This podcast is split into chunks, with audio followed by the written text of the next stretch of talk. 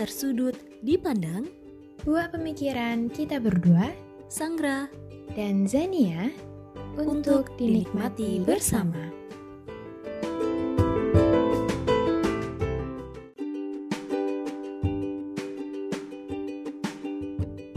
Tersudut dipandang Buah pemikiran kita berdua Sanggra dan Zania untuk dinikmati bersama. Hai semuanya, selamat datang di Tersudut Dipandang bersama Sanggra dan Oke, nah di episode kali ini kita akan membahas tentang di episode kali ini kita akan membahas seputar mandiri. Entah dari makna versiku atau versinya Zani, terus implementasi kita sejauh ini tuh apa aja. Kita bakal sharing-sharing ya teman-teman. Oke, dengerin sampai habis. Nah, karena aku dan Sanggra adalah sosok perempuan, maka dari itu kali ini kita bahas seputarnya wanita mandiri ya.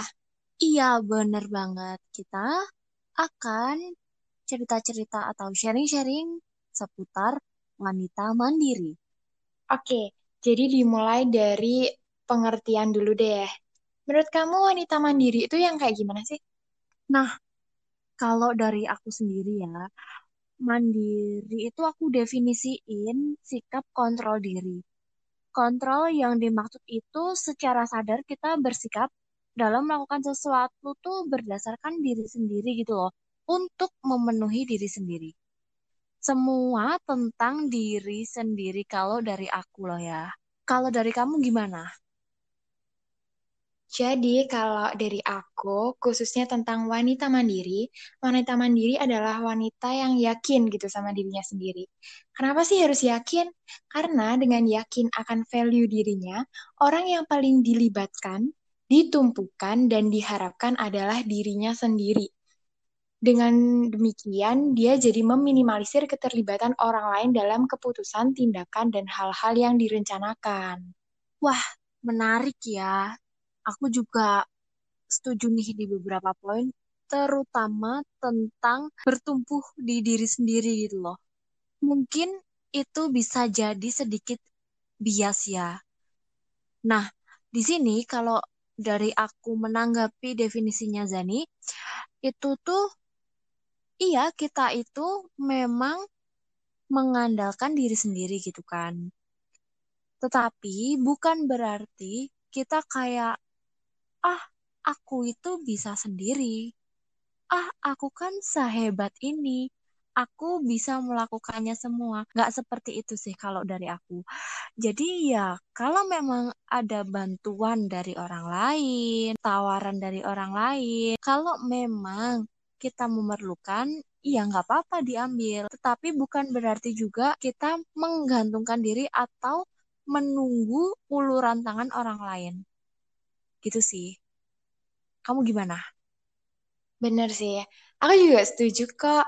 Karena apa ya, meskipun kita punya kesempatan untuk dibantu orang lain, bukan artinya kita jadi berpangku tangan gitu aja. Kita tetap harus berusaha dong untuk diri kita sendiri.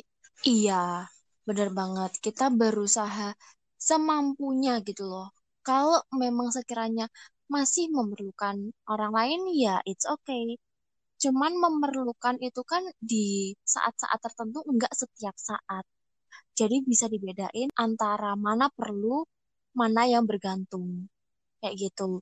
Soalnya kita kan juga sebagai manusia lah itu tetap memerlukan orang lain entah setitik, entah sekalimat, entah separagraf itu kan tetap butuh orang lain. Kayak gitu.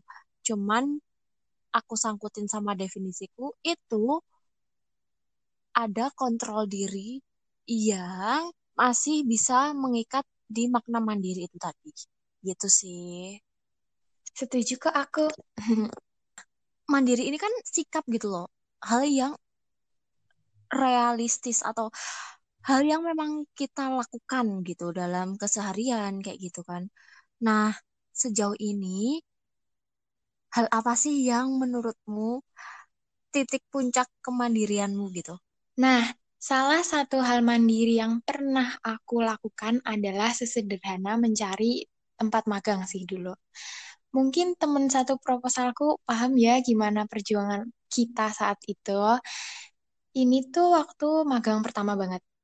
Dengan informasi dan pengetahuan yang cukup aku tetap yakin kok kalau aku bisa gitu loh mendapatkan apa yang aku butuhkan dan aku inginkan dengan usahaku sendiri.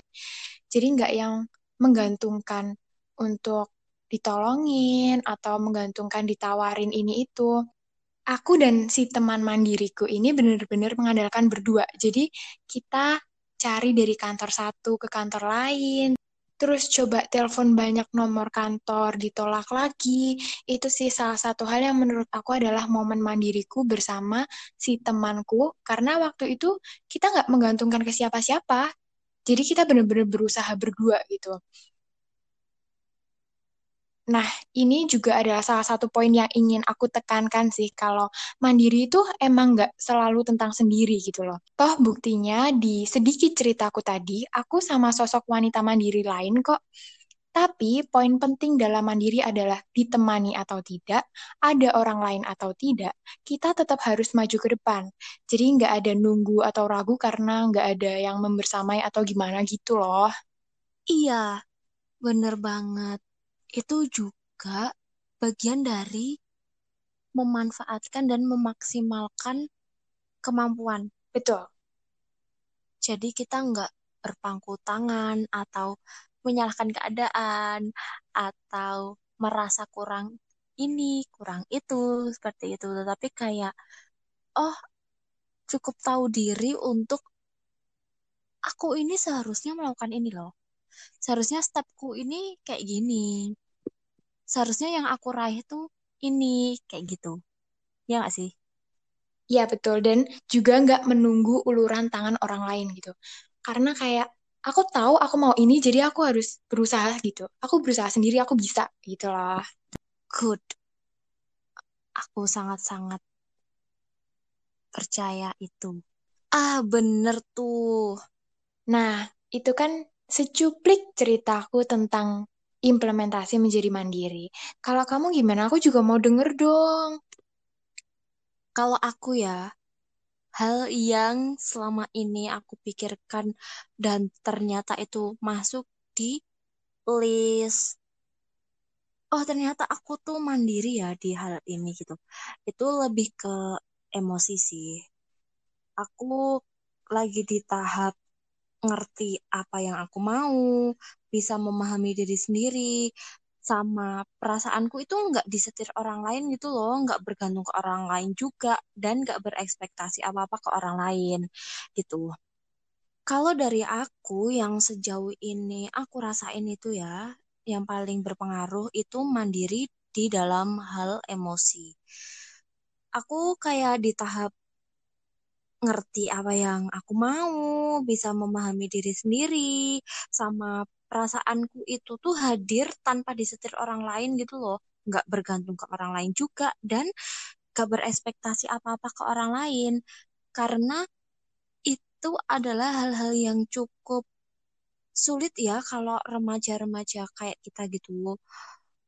Kadang kan kita kayak nggak tahu arahnya ke mana atau nggak pengennya apa aja kadang tuh nggak ngerti gitu loh. Jadi bisa sampai di tahap ini tuh aku ngerasa, oh ternyata aku sudah cukup mandiri ya. Terus ya kayak mulai ngerti kalau saat orang lain sedih atau senang, ya kita itu nggak melulu harus ikut merasakan hal yang sama gitu loh. Kayak gitu sih.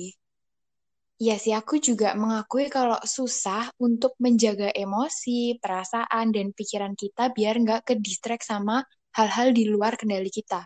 Entah dari orang lain, entah dari lingkungan. Itu adalah bentuk mandiri yang menurutku sulit sih untuk dicapai buat aku sekarang. Iya, it takes time memangan. Tapi ya nggak apa-apa, kan bagian dari kita progres gitu loh. Toh mandiri itu kan juga banyak gitu loh. Ada yang secara emosi, secara tingkah laku, ekonomi, dan lain sebagainya. Memang kan orang-orang punya fokus sendiri. Mana sih part mandiri yang pengen dia handle atau dia tingkatin atau dia fokusin kayak gitu. Iya bener juga sih. Tapi doain aja ya, semoga aku cepat bisa menyusul untuk mandiri secara emosi. Amin, amin.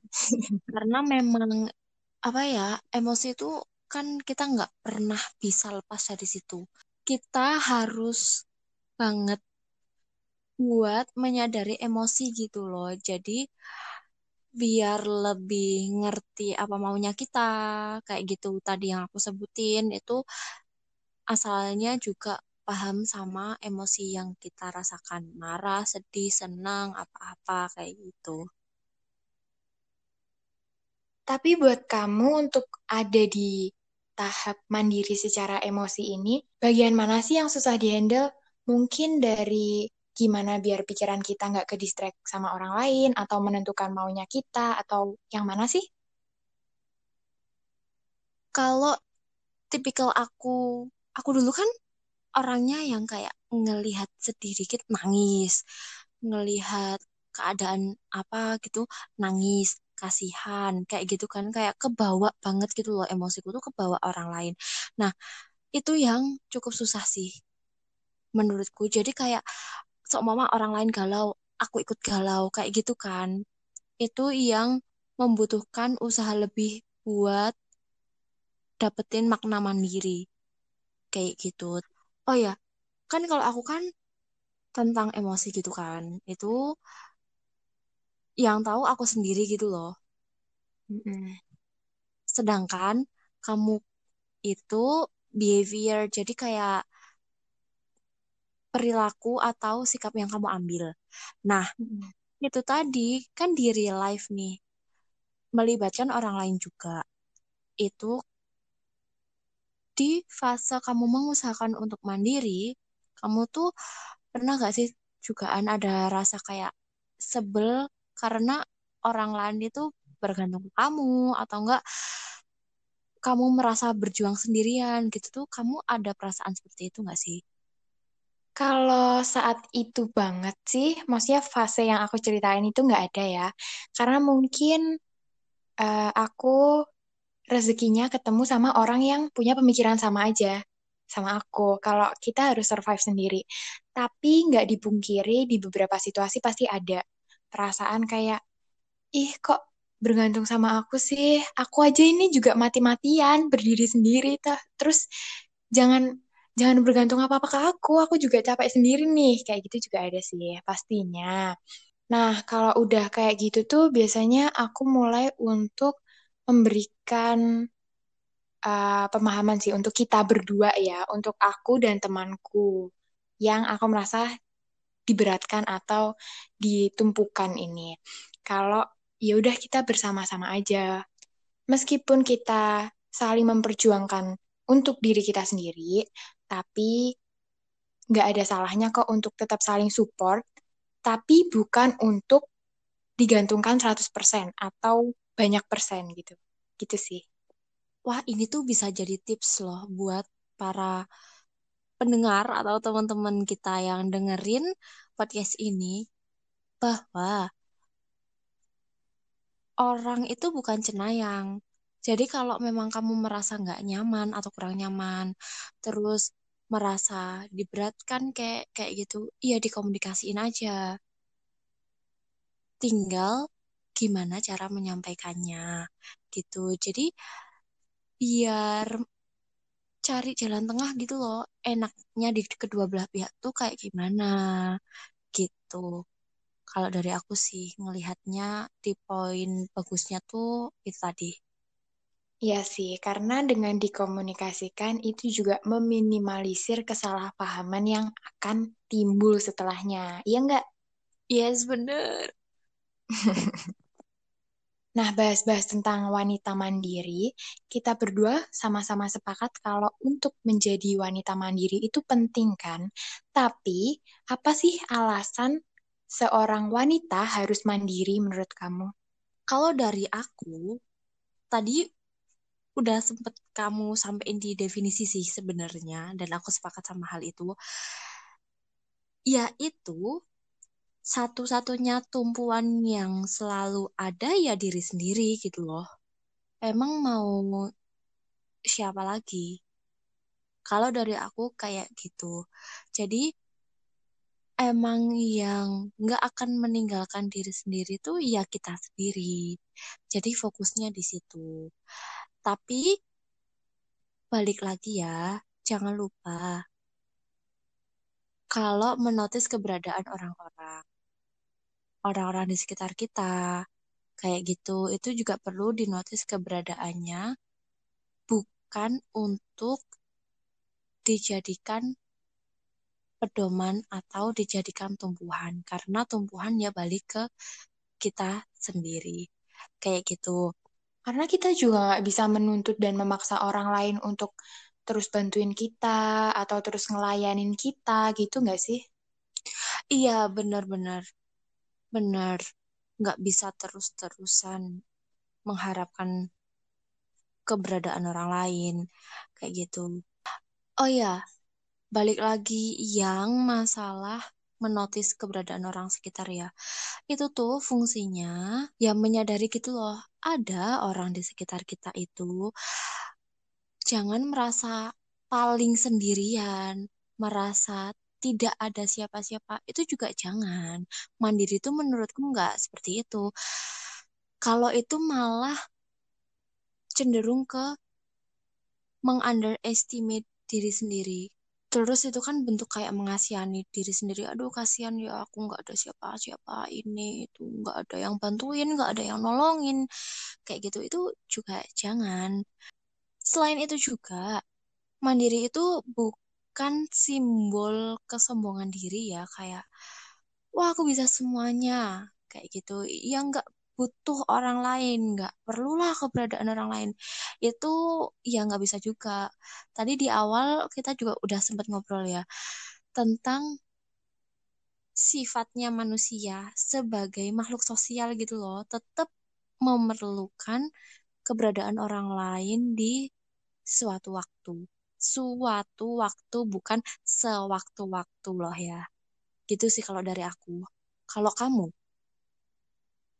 Yang pertama aku mau nambahin dulu nih. Kalau aku bisa ibaratin tuh ya, kita dengan orang lain itu harusnya saling melengkapi, bukan saling menumpu. Jadi kalau emang nggak bisa, ya udah minta tolong orang lain atau minta bantuan orang lain itu juga nggak apa-apa, tapi bukan artinya kamu memasrahkan 100% bertumpu, itu juga enggak dibenarkan juga sih. Nah, lanjut. Kalau menurut aku, sebenarnya menjadi mandiri itu bukan pilihan, tetapi suatu keharusan. Mau kamu cewek, mau kamu cowok, kita semua ya emang harus jadi mandiri kan? Karena dengan segala kemungkinan terburuk di depan, jadi mandiri adalah salah satu cara untuk survive dalam hidup. Itu sih kalau aku. Iya, aku setuju banget. Di sini meskipun kita ngobrolinnya tentang wanita gitu ya, wanita mandiri gitu. Semua itu balik kalau sudah membahas kata mandiri, ini tuh memang keharusan setiap orang gitu loh. Entah itu perempuan, entah itu laki-laki, seperti itu. Nah, itu kisah dan sudut pandang dari kita. Kalau kalian gimana? Cerita dong. Kita akan menemani kalian di podcast Tersudut Dipandang setiap hari Sabtu dan Minggu. Juga berbincang bersama di live Instagram di waktu-waktu tertentu. Ikutin kami terus ya.